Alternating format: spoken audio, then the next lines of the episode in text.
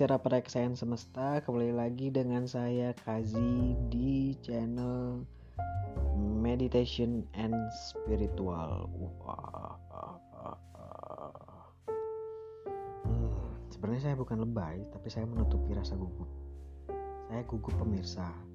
Ini adalah hari kedua Episode kedua. Masih debut jadi saya masih masih gugup. Saya saya belum menjadi broadcaster yang sangat baik. Oke sesuai dengan janji hari Kamis akan diisi dengan sesi tanya jawab jadi eh, sesuai yang saya paparkan sebelumnya bahwa hari Selasa adalah berisi tentang episode pembahasan. Jadi membahas tentang meditasi khususnya meditasi basic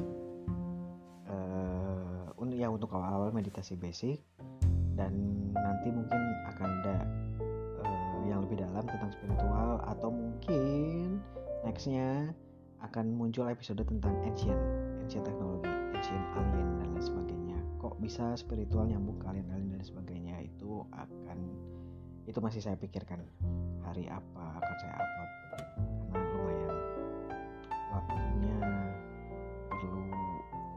banyak Oke, sebelum ke sesi pertanyaan tanya jawab saya akan bahas sedikit tentang hari Selasa bahwa di hari Selasa kemarin kita sudah bahas tentang meditasi basic yang mempunyai manfaat atau benefit ke tubuh. Khususnya baru baru membahas dua manfaat yaitu di pola tidur dan pola makan. Yang di pola tidur ya seperti yang sebelumnya saya paparkan tentang uh, tidur jadi jenyak, bangun tidur jadi lebih segar, yang tidak perlu tidak perlu tidur terlalu lama, tidur satu dua jam juga bisa segar, gitu loh. Terus kalau misalnya untuk pola makan yang akhirnya tubuh kita bisa mendengar eh tubuh kita bisa request ke kita sendiri tentang nutrisi yang ia butuhkan. Ya itu. Yang pengen yang baru baru mendengar di episode kedua ini silahkan dengarkan lagi di episode pertama tentang uh, itu. Tuh kan gugup lagi kan belepotan kan? Aduh mohon dimaklum mohon dimaklum para para kesayangan semesta teman-teman maklumi aku ya. Maklumi saya. Semoga ke depan saya nggak nggak kayak gini. Hmm, pengen nangis rasanya. Ya katanya jawab. Pertanyaan pertama. Mengapa setiap meditasi ketika tutup mata tutup mata suka tiba-tiba muncul penglihatan-penglihatan yang disertai perasaan-perasaan tertentu.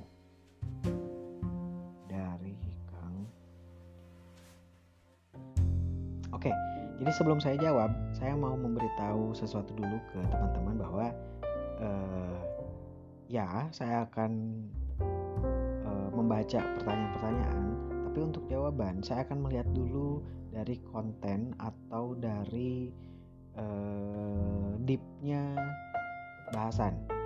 Nah khusus pertanyaan yang ini, ini sebenarnya sangat sangat sangat sangat sangat sangat sangat sangat sangat sangat sangat dalam. Kayak banyak bahasan kalau misalnya bahasan ini diperdalam ini bisa dikatakan uh, ke advance jadi bukan basic lagi bukan beginner lagi tapi ke advance. Hanya saya akan mem, saya akan menjawab di layer terluarnya aja. Jadi untuk ke layer ke dalamnya pertanyaan-pertanyaan selanjutnya yang mungkin akan muncul ketika saya menjawab itu saya akan bahas di episode-episode selanjutnya menyesuaikan dengan kurikulum atau bahasan yang mau saya utarakan di podcast ini. Oke, saya ulang lagi pertanyaannya. Mengapa setiap meditasi menutup mata suka tiba-tiba muncul penglihatan-penglihatan yang disertai perasaan-perasaan tertentu? Kenapa? Karena meditasi salah satunya lagi mempunyai manfaat atau benefit yang akhirnya bisa membantu teman-teman mengakses data memori DNA.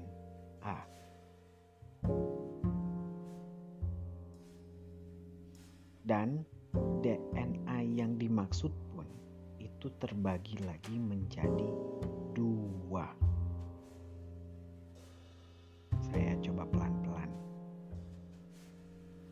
Apa saja itu?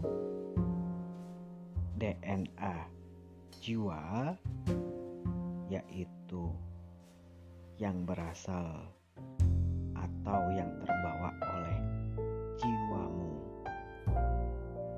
Jiwa teman-teman di kelahiran lalu, di kelahiran-kelahiran sebelumnya. Dan data DNA jasad yang terbawa oleh leluhur kita, ibu, bapak, kakek, nenek, buyut, dan seterusnya ke belakang. Jadi ada dua. Dengan teraksesnya data DNA ini lah yang kemudian menjadi vision ketika meditasi. Kok bisa meditasi akhirnya membantu untuk mengakses hal ini itu akan saya bahas di episode khusus lagi nanti.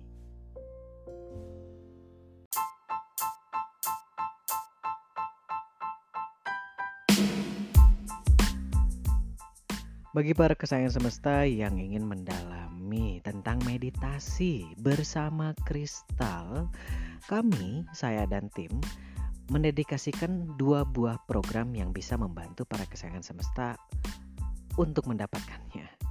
Jadi untuk program pertama, namun ini masih basic, yaitu Crystal Self Potential Manifestation bersama saya. Jadi CSPM Basic adalah program pendampingan bagi yang ingin mengoptimalkan potensi dan pengenalan diri yang terbantukan oleh kristal yang merupakan warisan nanoteknologi leluhur dengan tujuan keselarasan semesta besar, alam, dan kecil, tubuh yang dibantu meditasi hening bersama kristal, di mana selama ini pikiran dan tubuh tidak terkoneksi secara sadar. Pun pada semesta langgeng atau sang diri sejati atau jiwa. Nah, namun bagi misalnya para kesayangan semesta yang ingin memanifestasikan uh, dirinya uh, dibantukan oleh dengan kristal untuk kesehatan atau bagi para kesayangan semesta yang kebetulan uh, sering melakukan terapi atau para terapis dan ingin memakai alat bantu kristal, kami pun mempunyai program yaitu Crystal Healing Self and Therapist atau CHST bersama saya. Jadi program ini adalah pendampingan bagi pasien atau terapis yang ingin mengoptimalkan kristal yang merupakan warisan nanoteknologi leluhur sebagai alat bantu penyembuh, penyembuhan kesehatan fisik dan non fisik. Dengan tujuan sehat dan selaras dengan semesta besar, alam dan kecil, tubuh yang dibantu meditasi hening bersama kristal.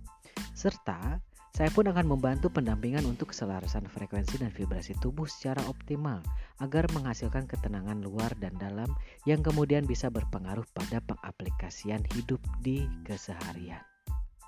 Info lebih lanjut dari dua program yang kami tawarkan ini bisa langsung menghubungi PR di 087737996757 atau ke email kaziotor@gmail.com. Jadi kami akan memberikan PDF-nya yang Anda bisa baca dan pilih sesuai dengan kebutuhan Anda.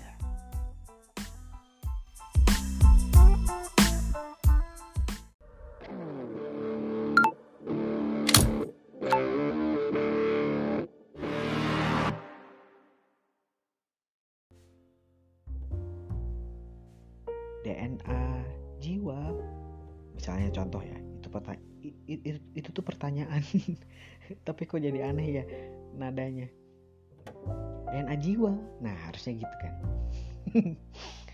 Apa? DNA jiwa. Apa itu? Nah, gitulah.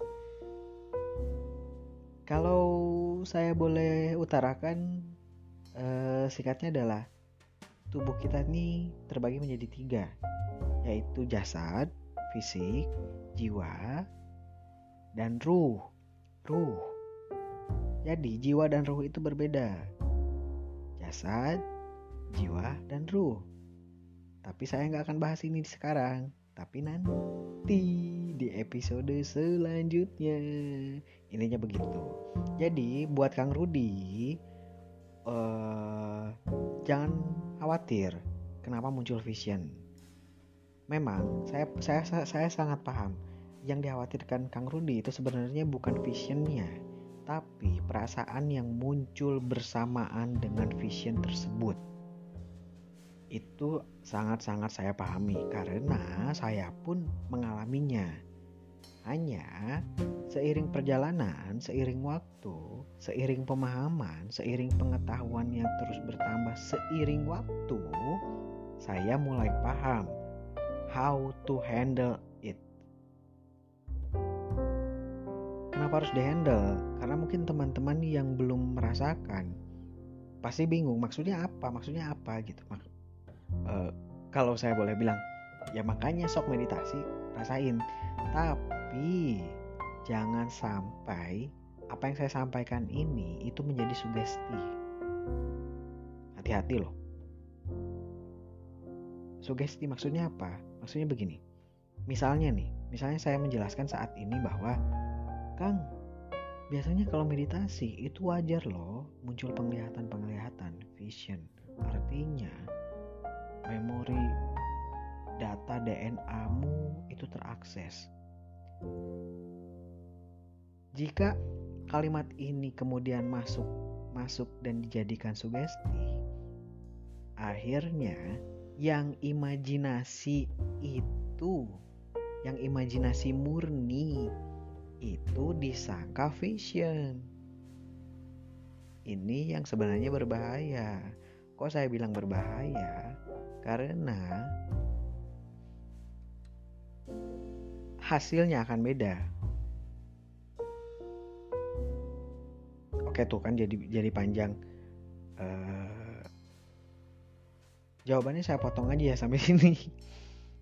um, nanti next next next saya uh, saya janji bukan janji sih. Uh, karena memang memang pasti disampaikan. Hal seperti ini akan saya sampaikan nanti di episode-episode selanjutnya. Oke, okay, jadi uh, itu skip uh, pertanyaannya baru bisa saya jawab sampai situ dulu. Punten ya. Karena kalau terlalu kalau saya bahas detail nanti bingung karena kita baru basic. Baru juga satu episode gitu kan baru juga satu kali. Itu pun masih baru tentang benefit baru tentang manfaat. Pola makan dan pola tidur doang. Sekarang sudah bahas tentang DNA jiwa DNA jasad. Itu terlalu jauh oke tapi saya akan memberi satu saran atau satu clue yang memang saya lakukan juga tapi begini setiap orang beda-beda kalau misalnya apa yang saya sarankan itu tidak membuat tidak membuat nyaman atau tidak nyaman, boleh ditinggalkan. Ambil cara yang membuat teman-teman nyaman. Jadi, kalau misalnya muncul tiba-tiba muncul penglihatan dengan perasaan, dengan rasa, dengan emosi, bukan emosi marah ya maksudnya ya, dengan emosi hampir seluruh tubuh itu merasakan feel yang sulit dideskripsikan dan hanya Anda yang tahu seperti apa rasanya. Saran saya adalah jangan menilai dulu sebelum Anda bisa membedakan mana yang rasa dan mana yang rasa. Apalagi itu gitu istilah apalagi itu. Itu nanti saya bahas. Intinya adalah jangan dulu menilai jangan dulu menyimpulkan jangan dulu akhirnya beropini. Apalagi sampai keluar-keluar weh saya visionnya ini saya jadi raja dulu. Misalnya. Nggak jadi ketawa ya. Saya di visionnya saya jadi raja berarti saya kelahirannya raja dan lain sebagainya lalu keluar-keluar dan lain sebagainya. Itu yang sebenarnya berbahaya. Oke intinya jangan dulu menilai. Kalau misalnya terjadi lagi terjadi lagi oke kembali lagi fokus ke napas. Atau nikmati saja. Nikmati saja visionnya nikmati saja penglihatan penglihatannya nikmati rasanya itu aja dulu oke okay?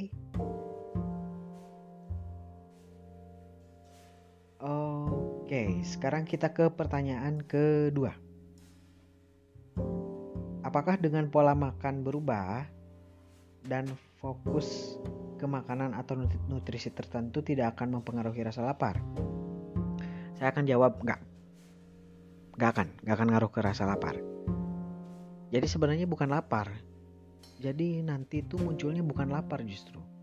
Bukan fokus ke laparnya. E, lapar di sini yang saya maksud adalah rasa kenyang ya. Jadi misalnya lapar nyari kenyang nggak nggak akan tapi justru e, mencari nutrisi yang dibutuhkan oleh tubuh dan setelah dapat kita benar-benar kenyang walaupun secara porsi sedikit itu yang unik kadang bahkan seharian nggak makan karena tubuh merespon atau tubuh memberitahu bahwa nutrisimu hari ini cukup jadi kita akan menjadi manusia-manusia zaman dulu lagi. Manusia-manusia uh, di mana para dewa masih hidup. Nanti kita akan ke sana lagi. Kalau misalnya sudah mulai paham meditasi dan berkenalan dengan tubuh. Jadi jangan jauh-jauh ke jiwa dulu ya, kayak pertanyaan pertama. Kenali dulu jiwa, eh kenali jiwa. Kenali dulu jasad. Jadi nggak akan ngaruh.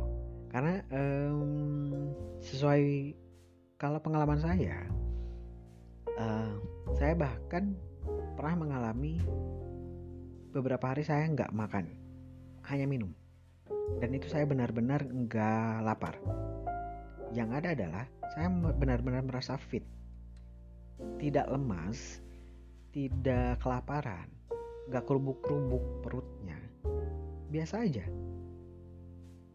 Dan saya trust saya percaya kepada tubuh. Saya tahu tubuh tidak akan macem-macem macem-macem di sini adalah tidak akan membuat ku sakit gitu loh.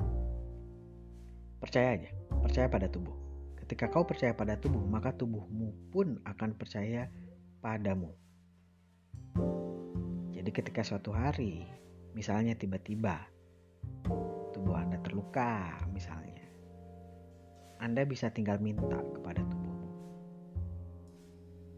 jangan jauh-jauh meminta kepada Tuhan punten ya punten. Jangan jauh-jauh minta kepada Tuhan. Minta aja tubuhmu sendiri yang dekat yang kelihatan.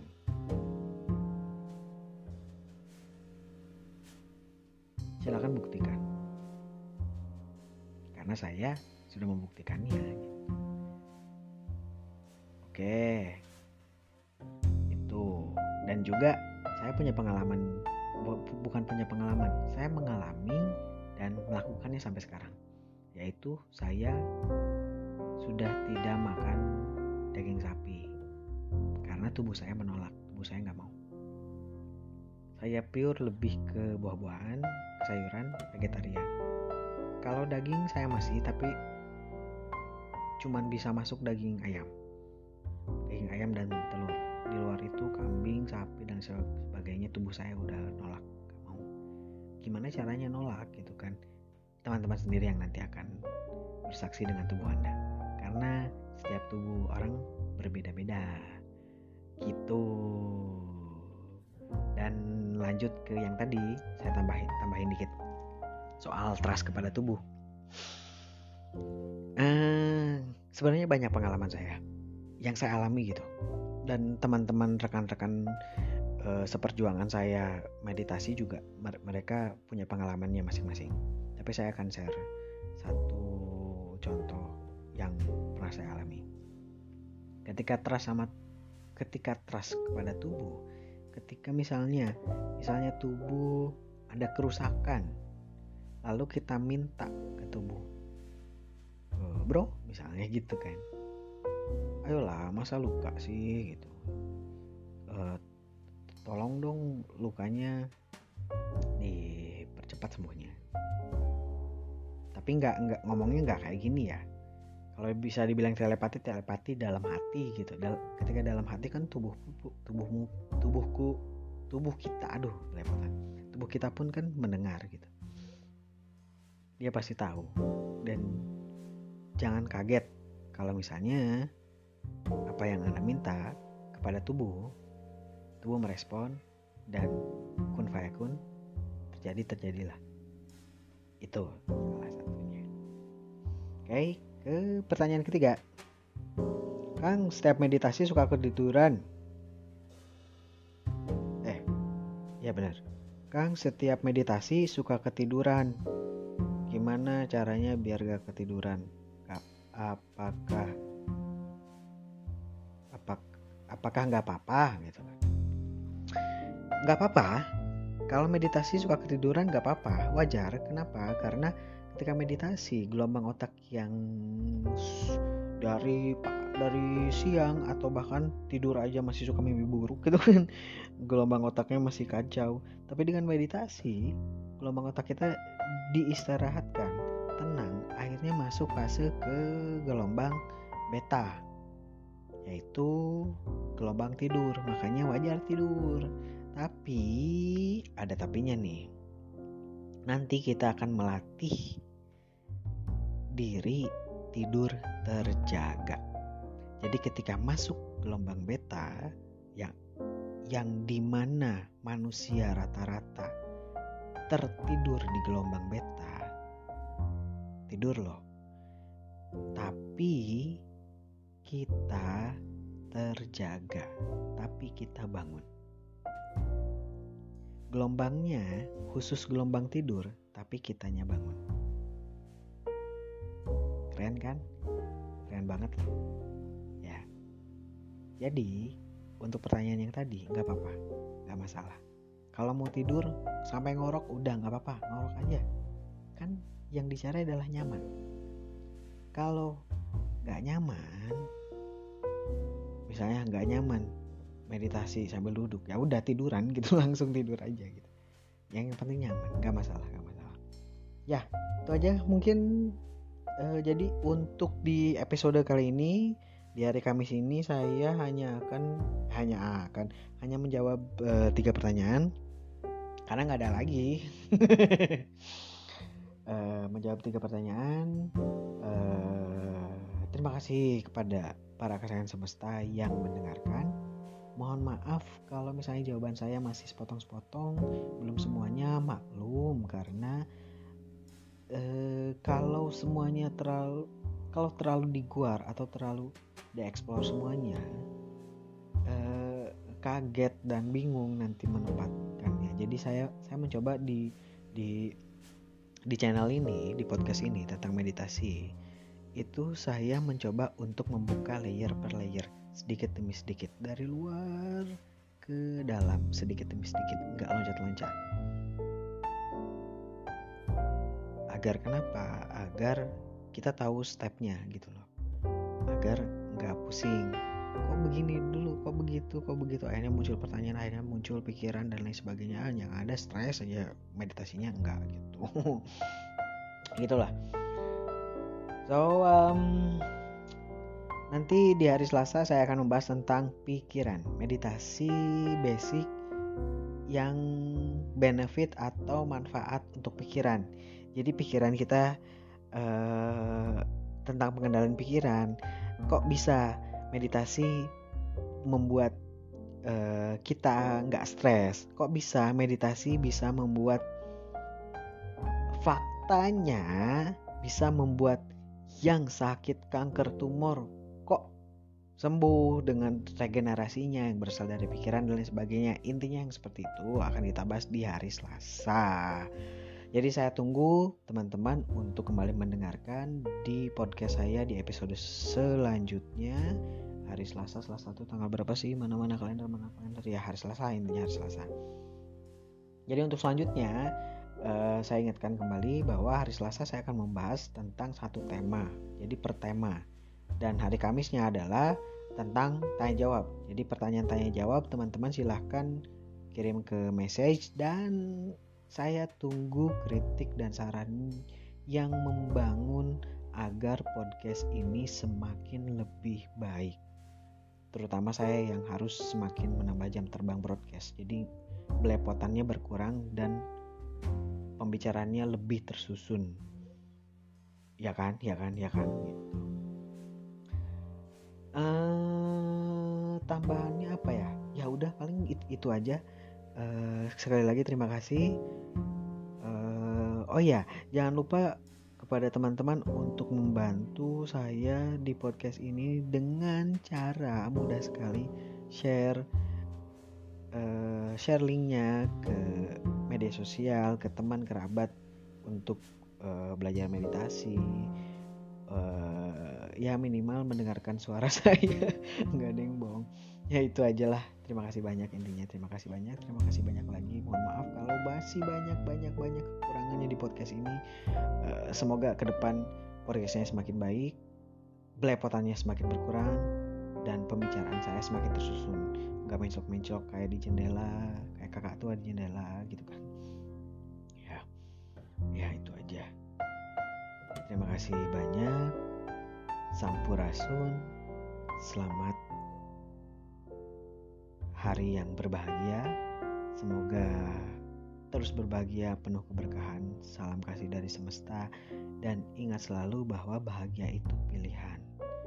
Jadi tidak ada yang namanya bahagia itu mencari keluar melainkan ada di dalam diri.